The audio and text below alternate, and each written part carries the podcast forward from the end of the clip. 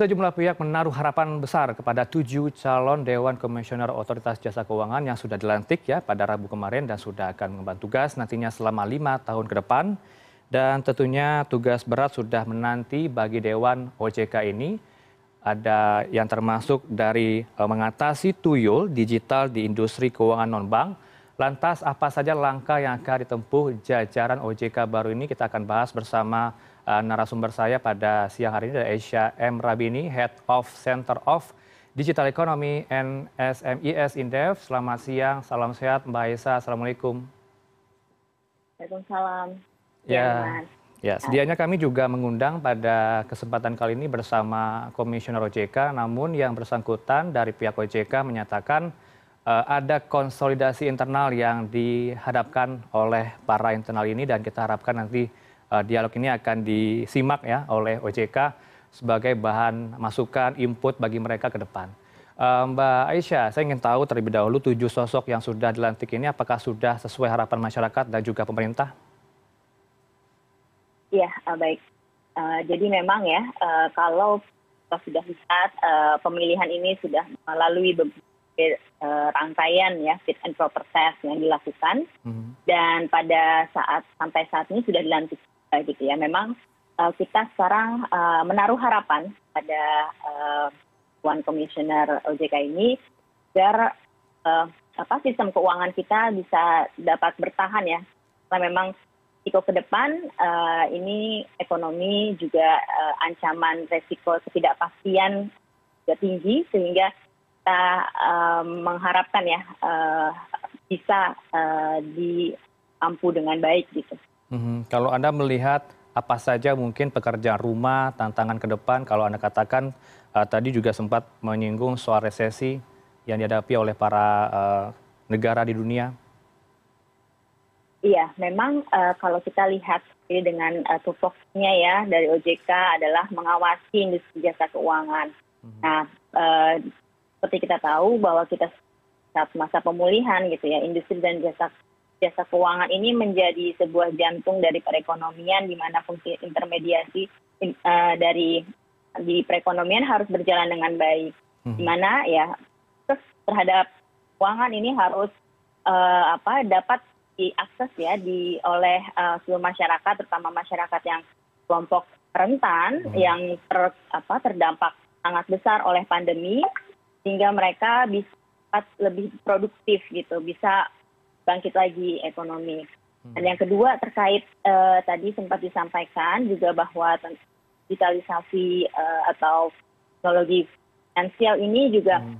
uh, salah satunya uh, harus ya uh, bagaimana masyarakat juga terlindungi, konsumen terlindungi uh, dari uh, fenomena yang kita uh, lihat saat ini ya banyak hmm. uh, maraknya penipuan online. Nah ini faktor penting yang di mana uh, OJK harus meningkatkan literasi keuangan dari masyarakat. Hmm. Nah, artinya langkah ke depan literasi finansial digital finance ini masih dirasa kurang. Apa yang harus dikerjakan uh, eh, OJK ke depan? Mbak Iya, uh, benar. Memang kalau kita lihat dari data ya, uh, OJK pun juga merilis data indeks uh, apa literasi keuangan masyarakat Indonesia itu masih uh, kecil, 38 uh, dari 100 orang itu masih well literate ya. Mereka yang well literate. Jadi masih ada 70 uh, eh, dari 100 yang tidak uh, mempunyai pengetahuan finansial yang baik. Dan ini PR besar gitu ya. Hmm. karena memang uh, masyarakat yang teredukasi dengan baik tentang uh, produk fitur dan juga resiko keuangan itu uh, sangat dibutuhkan ya. Karena memang mana mereka bisa uh, menggerakkan perekonomian, mendapatkan akses dari uh, keuangan jika mereka tidak mengetahui hal-hal faktor-faktor tersebut untuk hmm. produk-produk keuangan. Hmm. Baik, harapan literasi uh, finansial tentang digital finance ini akan terus ditingkatkan tentunya ke depan. Di sektor fintech, bagaimana Mbak Aisyah dengan rencana pencabutan moratorium P2P lending yang sudah dilakukan pada uh, Februari 2020 kalau tidak salah? Iya memang uh, untuk fintech ini sendiri ya uh, kalau kita lihat mesti ada uh, uh, lebih menekankan ke apa payung hukumnya gitu ya. Hmm. fintech ini uh, digitalisasi dari uh, perkeuangan gitu ya berjalan cepat. Cuman untuk payung hukum yang bisa menaungi apa terobosan-terobosan sektor keuangan ini harus bisa ya memberikan tidak gimana ya tidak mengekang atau bisa fleksibel gitu ya bagaimana teknologi finansial ini bisa membantu tadi yang saya sebutkan kelompok-kelompok rentan untuk mendapatkan akses pembiayaan karena kita tahu sendiri bahwa akses pembiayaan untuk masyarakat Indonesia itu juga masih rendah gitu ya. Hmm. Namun di satu sisi ada resiko dari uh, teknologi uh, yang bergerak cepat gitu ya, hmm. di mana masyarakat kita tahu tadi saya sampaikan bahwa masyarakat Indonesia masih literasi digitalnya uh, rendah gitu. Hmm. Nah di sini ada peran peran OJK ya yang harus mendorong literasi dan juga melindungi masyarakat yang tadi uh, bisa rentan terkena uh, penipuan dari uh, apa uh, cepatnya terobosan uh, uh, apa sektor keuangan. Baik, terobosan OJK untuk literasi uh, pengetahuan digital finance yang akan dikerjakan oleh OJK tentunya juga payung hukum ya disediakan untuk rancangan undang-undang keuangan itu tersendiri ya, Mbak Aisyah. Iya, jadi uh, memang uh, kan juga pemerintah juga sudah ini ya mau mengeluarkan apa mempercepat uh, pembahasan undang-undang P2SK dan ini uh, harusnya memang diarahkan uh, mengatur bagaimana fintech ini hmm. uh, ada payung hukumnya, mengatur pengawasan dan mengatur bagaimana perlindungan konsumen uh, ada di dalamnya. Hmm. Belakangan masih banyak ketidakpuasan Mbak Aisyah uh, terhadap perkembangan yang terjadi uh, terhadap Eh, rencana eh, perkembangan dari lembaga keuangan baik yang bank dan non bank. Pendapat Anda seperti apa? Anda tadi juga sempat menyinggung uh, marketnya pinjol ilegal belakangan ini di Indonesia. Ya memang kalau kita melihat ketidakpuasan ya, saya juga kita bisa lihat ke data bahwa memang akses terhadap finansial masyarakat Indonesia masih rendah gitu ya. Kalau kita lihat dari data World Bank gitu ya, hanya misalnya yang mempunyai akses bank orang orang masyarakat Indonesia hanya 50 persen. Hmm. Sedangkan uh, misalnya di negara tetangga Thailand misalnya 80 90 persen gitu ya. Hmm. Nah uh, begitu juga yang mendapatkan pinjaman uh, itu pinjaman dari lembaga keuangan juga masih rendah uh, hanya sekitar 12 persen untuk masyarakat Indonesia. Hmm. Nah ini berarti uh, masih uh, ada masalah gitu ya, ada tantangan dalam uh, fungsi intermediasi lembaga keuangan untuk uh, inklusiveness dari exclusivity dari uh, lembaga keuangan gitu ya sehingga memang banyak faktor yang bisa yang me, apa yang menyebabkan uh, rendahnya tingkat inclusivity dari uh, lembaga keuangan ini gitu salah satunya misalnya uh, suku bunga yang tinggi gitu ya terus kemudian uh, mereka tidak mengetahui bagaimana jam administrasi gitu nah memang itu yang mencerminkan ya bagaimana masyarakat masih kurang puas dengan lembaga keuangan hmm. nah makanya mereka juga sekarang dengan adanya terobosan teknologi finansial itu juga bisa membantu ya hmm. inklusivitas dari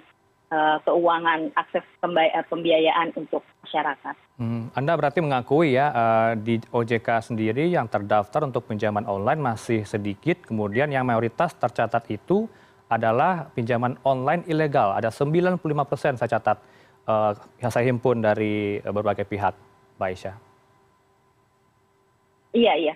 Memang uh, data akhir ya masih banyak tiga ribuan ya hmm. pinjaman online yang ilegal gitu. Nah di sini memang perlu butuh lagi ya OJK untuk uh, mana bisa uh, apa ya memberikan uh, edukasi gitu ya ke hmm. masyarakat bahwa uh, apa masyarakat ini mengetahui gitu mana investasi atau pinjaman atau uh, teknologi finansial yang baik gitu yang dan terdaftar gitu sehingga masyarakat yang tadi uh, literasinya masih rendah dia hmm. tidak uh, bisa ditingkatkan uh, literasinya ya pengetahuannya dan juga bisa uh, apa mengetahui bahwa ini uh, pinjaman tidak terregistrasi misalnya tidak resmi gitu sehingga tidak terjerumus pada uh, apa namanya kerugian yang bisa uh, besar gitu buat masyarakat. Ya, Pak Jokowi berpesan nih Mbak Esya, yaitu pesannya adalah menjaga stabilitas sistem keuangan agar tidak ada bank yang bermasalah. Apakah ini sanggup nanti dikerjakan oleh JK?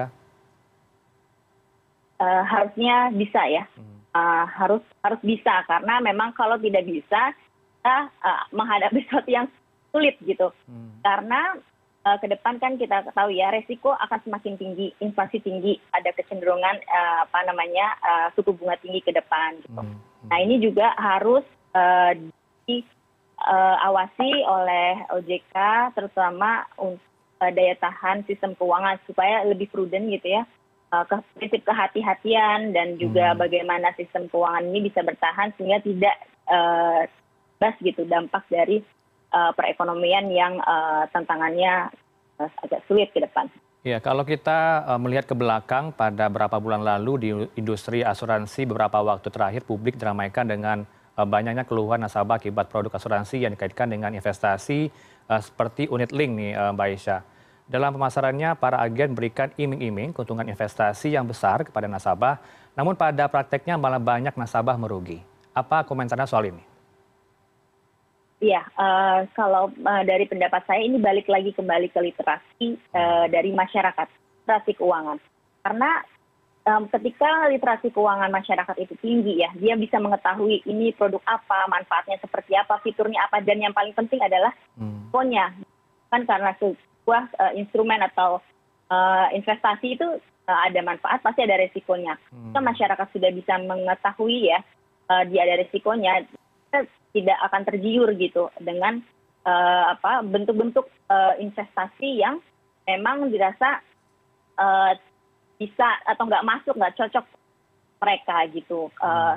Sehingga literasi keuangan masyarakat harus ditingkatkan.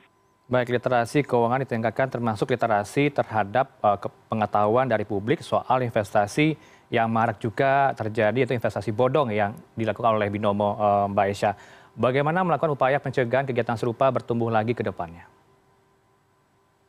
Iya, memang ini agak sebuah tantangan ya, sama juga buat OJK, karena memang misalnya penutupan atau ditutup investasi ilegal tersebut, kemudian beberapa waktu kemudian berikutnya dia bisa membuat lagi gitu usaha atau invest pinjol yang apa gitu dengan nama yang berbeda gitu. Nah ini memang sebuah tantangan gitu yang diperlukan tadi pertama ya udah pasti meningkatkan menggerakkan lebih gencar lagi tentang literasi keuangan buat masyarakat. Dua tentunya ini kan berkaitan dengan informasi yang diterima oleh masyarakat ya.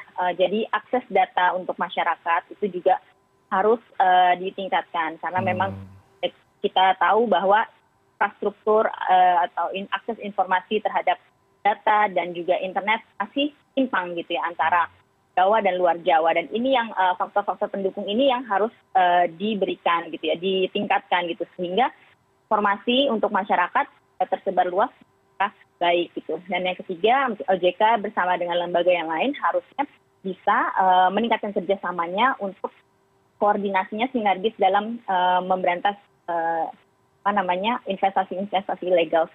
Ya, ini sejalan dengan apa yang disampaikan oleh Sri Mulyani ya, Menteri Keuangan harus ada sinergi antar lembaga.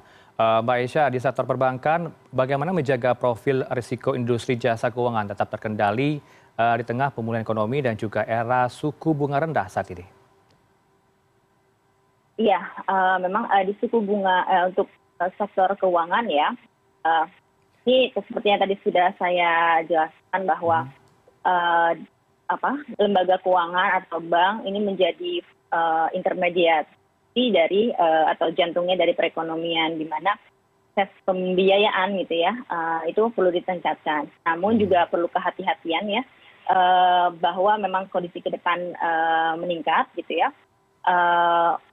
Sehingga supaya bagaimana caranya tidak NPL tinggi. Cuman mendorong pembiayaan atau apa namanya kredit terhadap yang bisa bisa menggerakkan perekonomian terutama UMKM itu ya itu perlu didorong gitu. Itu di sektor perbankan, di sektor UMKM. Bagaimana dengan perlindungan kepada konsumen, Mbak Isha? Iya, kalau perlindungan ke konsumen memang ya salah satu masalahnya yang tadi digitalisasi dari sektor keuangan, fintech dan apa pinjaman online adalah kekhawatiran mengenai data privasi gitu ya. Digunakan untuk apa data privasi ini gitu. Nah ini harus ada memang payung hukumnya gitu. Dan kedua perlindungan konsumen tadi yang perlu juga diingatkan gitu ya untuk apa namanya oleh ojk gitu. Bagaimana intinya tadi perlindungan konsumen bisa didorong juga dari sisi literasi keuangan. Baik, terima kasih atas diskusinya siang hari ini Mbak Esha M. Rabini, Head of Center of Digital Economy and SMES Indef. Selamat siang Mbak Esha, selamat sehat selalu. Assalamualaikum. Waalaikumsalam.